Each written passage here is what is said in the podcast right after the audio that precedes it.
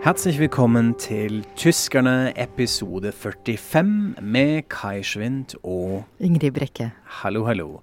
I dag skal vi snakke om landsmøtet i CDU, som begynner nå på fredag. Som eh, man har allerede snakket veldig mye om i Tyskland. Litt kontrovers òg, så det blir spennende. Eh, vi skal også snakke om en film, en veldig rystende film, eh, som jeg har sett på kino. Og vi har et øst-vest-ord i ordspalten vår. Det gleder vi oss til. Men først, Ingrid, hvordan står det til i CDU før dette landsmøtet som alle snakker om? Nei, det står jo ikke særlig bra til. Det er jo forklaringa på hvorfor det har vært så mye snakk om det. At det er mye intern eh, strid. Eh, folk som selv kommer fra partiet, har f.eks. sagt at CDO er innholdsmessig konkurs. Og Friedrich Merz, som vi kanskje husker fra Han prøvde jo å bli partileder i fjor, og han eh, holder på eh, rundt omkring, holder foredrag og bygger nettverk. Og han har nå anklaga Angela Merkels ledelse for å ligge som en, et tåketeppe over landet. Bare mm. for å nevne et par eksempler på hvordan man holder på internt. Og sånn er det jo gjerne i partiene når eh, det går dårlig. Um, fordi uh, en årsak til uh, alt, all kontroversen er jo for det første at de, jo, de tenkte jo i fjor under landsmøtet at de skulle ta et slags retningsvalg. Hvordan møter de trusselen fra AFD? Skal de legge partiet lenger til høyre? Og der var jo Mertz eh, anerkjent som kanskje den kandidaten som mest sto for det, mens Anne Greth Kramp-Karenbauer, som ble valgt som partileder, sto mer for sånn Merkel-fløyen. Mm. Og så ble liksom ingenting av dette tatt noe særlig videre. Eh, og i stedet så har det opp, opp, liksom blitt en veldig klar ny trussel nå fra den andre sida, nemlig det at de grønne har blitt så store. Så de, har, eh, de er virkelig sånn i knipa i CDO nå. Og jeg så en sånn vittig sjel som eh, mente at det at de nå også har en så tydelig sånn ledelseskonflikt, det er på en måte siste skritt i sosialdemokratiseringa av uh, Kristeligdemokratene. Altså, det kan man jo le av. Ja. Men altså, det er fordi Anne Gret uh, Kram-Karenbauer har ikke helt møtt de forventningene. Hva var det gikk galt med henne? Hun har snubla litt over sine egne ambisjoner, kanskje. Så var det det at hun ble forsvarsminister, som mange mente hvor hun ja, var det litt sånn et karrieresteg som hun egentlig var mest opptatt av, ikke sant? Altså, ja, altså jeg tenker det er litt sånn altså For det første så, så, var man jo allerede i fjor da enige om at man hadde store interne problemer med at partiet var delvis splitta og sånn, og da skulle Kramp Karenbauer, eller AKK, da, som er fint å kalle henne. Og mye lettere. Eh, og mye lettere. Mm. Eh, hun skulle jo da sitte på partikontoret og på en måte ta tak i dette innholdet og program og sånne ting, men i stedet så valgte hun da å bli eh, forsvarsminister og kaste seg ut i, i, politikken. Og det kan man jo eh, i dag-til-dag-politikken og, og, vise seg Hun Og vil jo vise seg fram, da, ikke sant. I, man kan jo forestille seg at når det en gang skal virkelig plukkes på alvor, kanslerkandidaten, Eh, så ville det blitt brukt mot at hun ikke hadde sittet i regjering, da. Så det, man kan jo gjette at det er det som ligger bak. Men i hvert fall, jeg, jeg vet ikke hvor mye man skal bebreide henne for dette, eller, eller eh, hvordan man skal tenke rundt det, men det er i hvert fall helt klart at det man trodde hun kunne oppnå, og det man trodde skulle skje i partiet etter at Merkel da trakk seg som partileder i fjor, det har virkelig ikke skjedd. I stedet har motsetningene blitt større og situasjonen blitt mye verre. Mm -hmm. Men tror du da at dette er først og fremst et sånn personalspørsmål? Altså Handler det om disse personlighetene som ikke helt fungerer, eller er det en litt større, kanskje litt mer ideologisk preget orienteringsløshet som partiet henger fast i? Altså, jeg tror det er en slags blanding. Altså, det, det, er jo verdt å huske at eh, Angela Merkel har jo helt siden hun ble partileder i 2000, systematisk eh, og helt åpent eh, ført partiet i retning mot sentrum. Så partiet har forandra seg mye. Og det har jo også gjort at det sitter en fløy igjen på høyresida som egentlig ikke vil ha helt det partiet som hun lagde. Og den motsetningen er helt reell. Det handler om ideologi og, og politisk eh, retning og sånn. Og den motsetningen er ikke løst. Og jeg vet ikke hvor, hvor, mye de klarer å leve med disse spenningene. Og da er kanskje svaret at de kan leve helt fint med sånne spenninger når det går veldig bra. Når det går veldig dårlig, så klarer man ikke å håndtere det heller. Og jeg tenker at det, det det som fremsto i fjor som at hva sånn ideologiske retningsvalg, det fremstår nå mye mer som en type personkonflikt. Mm -hmm. Og det skyldes igjen at i fjor så svarene mye enklere ut. Ta partiet mot Høyre, eh, så får du liksom ordna opp med AFD. Men siden De Grønne nå hauker på den andre sida, så er ikke disse svarene enkle. Og da blir det mye vanskeligere å ta noe retningsvalg. Og da fremstår det hele som en sånn maktkamp mellom personer, tenker jeg. Mm. Og det er jo litt interessant å se litt på De grønne også, I, i samme slengen akkurat nå. fordi da er det virkelig sånn motsatt effekt. De har jo nå også hatt et landsmøte eh, hvor det altså det ledelsesduo Robert Habeck og Anna-Lena Baerbock ble gjenvalgt med sånn vanvittig resultat. Eh, nesten 100 eller Ja, det var sånn 93 og 97 ja, eller noe sånt. Det er så, sånn kommunisttall. Ikke ja. sant? Ja. Så det er ingen tvil at man vil ha de som leder, og de har jo også sykt høye de spørreundersøkelser er de utrolig populære. Men uh, ja, i tillegg til et sånn eh, personalspørsmål som fungerer veldig bra i Grønnpartiet, syns jeg det er litt interessant å se hvordan de nå prøver å posisjonere seg også som mer som et slags et, et temaparti. Uh, miljø er selvfølgelig noe de har tatt opp, noe som er skikkelig i vinden bokstavelig tatt. Uh, det kan de, uh, men nå uh, holdt i hvert fall Robert Habeck en tale hvor han fokuserte litt på næringslivspolitikk, økonomi, og hvordan det ser ut da at man trenger på en måte en ny retning. Og det som var veldig interessant, på, um, hvor han begynte å innføre tanken om ja, kanskje litt mer regulert marked. Og han brukte ordet forbud. Ja, kall, la oss gjerne kalle dette for forbud, som må må til for uh, å få en litt mer solidarisk uh, næringsliv på vei, og kanskje hjelpe mot denne regresjonen som Tyskland uh, slingrer litt imot akkurat nå. Så de prøver å gjøre dette å bli kalt for forbudsparti til noe positivt? ja, sånn hørtes det ut. Altså man, det, det, er sjelden at man hører de ordene bli brukt, i hvert fall, og at man, det blir presentert med et slags smil, litt sånn ironisk. Men samtidig legger man ikke skjul på dette. Ja, det er det som, må, som vi mener må på plass, mm. Eh, så vi, vi, får dette til. Men det er jo veldig interessant å se, fordi jeg leste nettopp en, en eh, kommentar i ditt site av Bernt Ulrich. Den kan vi legge ut lenke til. Den er utrolig interessant. Og veldig, veldig dyster. Og han har jo fulgt uh, Merkel og vært en opplagt beundrer av henne i mange år og sånn, og nå er han så skuffa. Og så og så har han da valgt tittelen 'Before da was verdiebt', altså før noe forderver. Og han mener på en måte at hele kanslerskapet er på vei inn i fordervelsen. Og at det skyldes i høy grad da passivitet, passivitet, og stillstand. Altså Merkel løser jo nå, hvis man kan kalle det det, de fleste problemer ved å holde seg unna. Altså mm. Det gjelder veldig for partiet, men det gjelder også politisk, mener han, at hun er mye mindre på banen enn før. Og det er jo også naturlig når man er på vei ut. Og at dette gjenspeiler seg også i en slags eh, allmenn stemning, da kan man kanskje kalle det.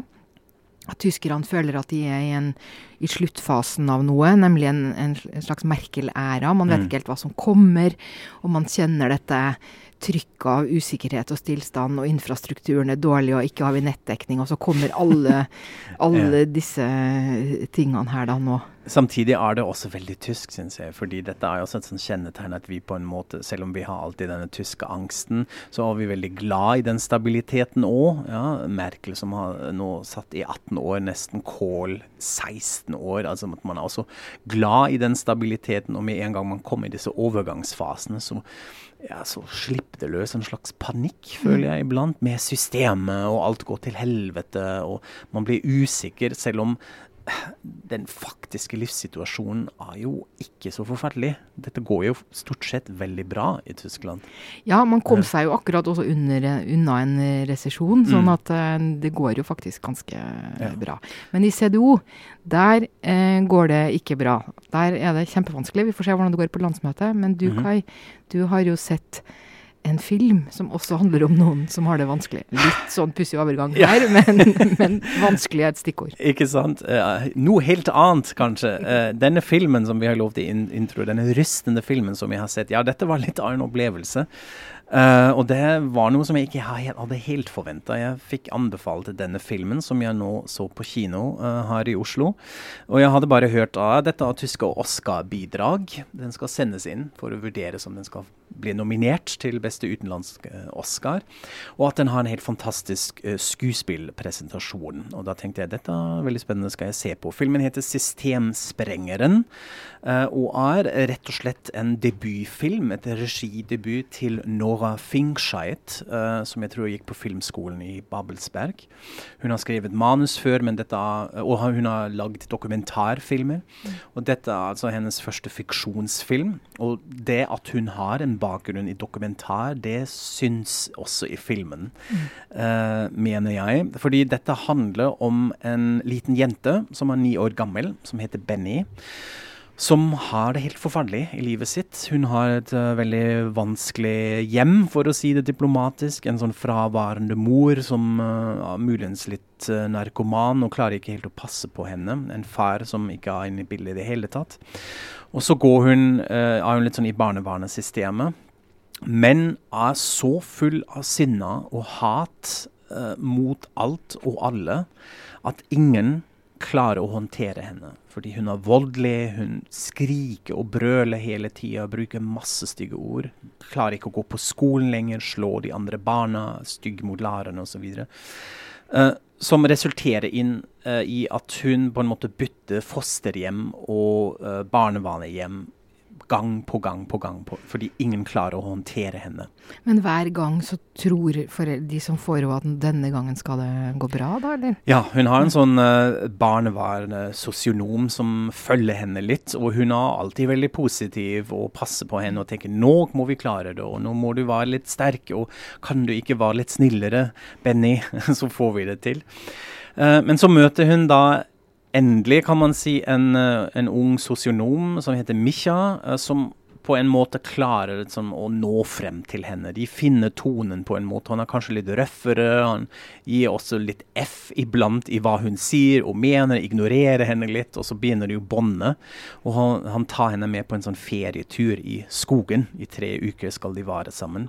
I en hytte uten strøm og med utedo og sånn. Og det syns hun uh, lille jente er veldig stas, og man har litt sånn naturopplevelse. Samtidig som de også klarer å snakke litt om det traumet som antageligvis ligger bak det. Det får vi ikke vite så mye om, men det er et eller annet som må ha skjedd i barndommen hennes, uh, som påvirker selvfølgelig hvordan hun er i dag. Men akkurat da man tror ok, nå går det kanskje bra, så bestemmer han Micha seg for at han er egentlig for tilknyttet nå til henne. Og dette er veldig uprofesjonelt. Det er ikke sånn en sosionom i barnevernet kan ha det. Så han bestemmer seg for å trekke seg. Uh, og da begynner jo da katastrofen på nytt. Så dette her er ganske heavy stuff. Ja, det. Uh, og det hører man jo kanskje litt sånn på papiret når man bare forteller denne historien. Men så er det én ting til som jeg ikke helt var forberedt på, nemlig denne skuespillpresentasjonen til hun lille jente. Dette er en elleve år gammel skuespiller, Helena Zengel som gjør noe på film som jeg, jeg tror nesten aldri har sett. Uh, dette er virkelig helt fantastisk. Altså et sånn nesten fullstendig naturalistisk skuespill at du tror du ser på en dokumentar. Og det er jo det med, med barn på film, altså når man jobber med barn, at man må prøve på en måte å klare å skape en slags sånn leken tilnærming til disse rollene. Altså når man er regissør, prøve å lage det til et slags lek, og dermed få en, en, sånn naturalistisk tilnærming til hvordan de er. Prøve å fange opp noe fra deres personlighet. Og det har man klart her, samtidig som denne rollen er så ekstrem uh, at uh, man kan ikke bruke et, et, skadet barn og bare filme det på den måten. Dette her er virkelig en skuespillpresentasjon. Og det blir enda sterkere når man hører Helena Zengel snakke i intervjuet, som vi har gjort. Jeg gikk på YouTube og fant masse intervju med henne hvor hun snakker som en voksen dame.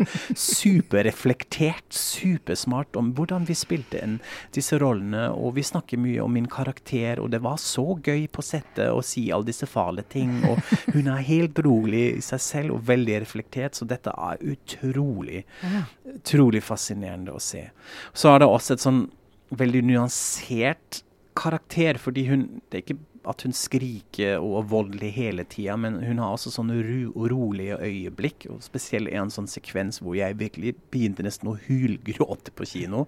Hvor denne barnevanedama som følger henne, selv bryter sammen. Fordi de får det ikke til. Og så har mora nå sagt hun skal ta vare på henne, men så funker det ikke likevel. Og så bryter hun sånn stille sammen i gangen. Og da kommer Benny til henne og tar vare på henne og sier du, det kommer til å gå bra, ikke gråt. uh, også det, å spille det uten at det virker fake, dette var helt fantastisk. Så dette her, um, ja, dette kan jeg anbefale, selv om ja, dette det høres helt forferdelig ut. Systemsprengeren, uh, som sagt, tyske Oscar-bidrag. Og hvis den ikke blir nominert og vinner da til slutt, da, da vet jeg ikke. Altså, dette er virkelig noe av det beste jeg har sett.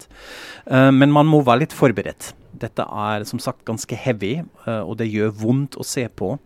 Men allikevel sier det ja, noe ganske viktig òg, nemlig hvordan disse systemsprengere, sånn kaller man disse barna, som, man, som, på en måte ikke finner en plass. Så det er et kjent begrep i Tyskland? Ja, det er et begrep. Det er ikke så superkjent, men det er noe som man bruker i systemet, i hvert fall, når man omtaler disse barna. Og det sier noe altså også om det barnevernssystemet som vi har, som fungerer jo stort sett ganske bra, men som fortsatt har noen utfordringer. Og filmen setter søkelys på dette òg, så anbefales veldig. Man må se litt etter den. Den går på utvalgte kinoer, men en fantastisk film. Ja, takk Kai. Da har du i hvert fall forberedt oss på hva vi kan uh, vente oss uh, og anbefalt denne filmen. Mm -hmm. Nå skal vi over til igjen noe helt annet, nemlig ordspalten. Og da er det jeg som har uh, hørt en noe så sjeldent hos oss de tyskerne som en amerikansk podkast som handla om tysk språk, som heter The Illusionist.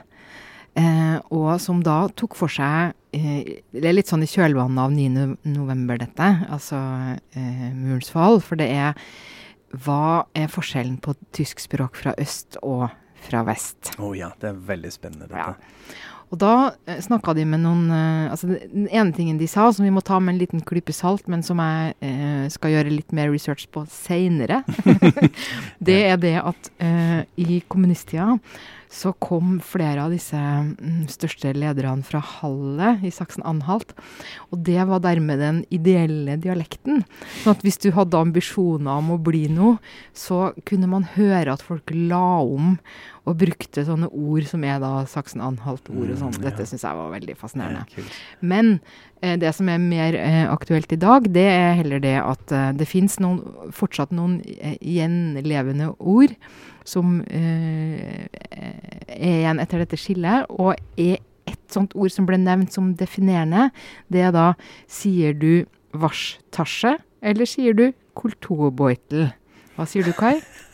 Jeg sier kulturbeutel fordi jeg er fra Vest-Tyskland. Ja. Vi må jo kanskje si hva det betyr. Mm. Dette betyr altså toalettmappa på enten vesttysk eller østtysk. Mm. Vaskepose på østtysk, eller kulturbag på vesttysk. Det er jo ganske teit, det, det ordet. Ja. Det må jeg si. Jeg blir jo mobba litt for det her i, i, Norge også, av norske venner som spurte meg hva var det du kalte dette igjen? Og for meg er det jo også nesten en sånn parodi på denne tyske selvhøytideligheten. Altså å gjøre noe stort ut av noe som er ingenting. Herregud, dette er en bag med tannkosten og deodorant. Hva er høykultur med dette? Det er det du trenger for å ikke havne i barbariet, det vet du, Kai. Ja. ja. OK. Ja, kulturbeutel. Ja, jeg vet ikke. Man kan ikke finne noe men verst har seg altså litt sånn motsatt. Veldig nedpå. Det er liksom hvor lavt kan man gå i liksom nøktern beskrivelse? Vet ja, ikke. ikke sant? Da har vi litt sånn kapitalisme versus sosialisme ja, ja, i en nøtteskall. Ja, veldig spennende. Så denne podkasten anbefaler vi. Vi legger, ut. Uh, vi legger den ut på Facebook-siden. Uh, og apropos Facebook-side, da må dere selvfølgelig følge oss. Da legger vi ut flere ting. Noe som har med det å gjøre vi snakker om, men også helt andre ting. Og vi er selvfølgelig også veldig takknemlige for kommentarer og innspill og alt det da. Så send oss gjerne en melding. Følg oss da, eller på Spotify eller på andre, andre podkastspillere. Så runder vi av, sier takk for oss, og auf Wiederhøen. Auf Wiederhøen.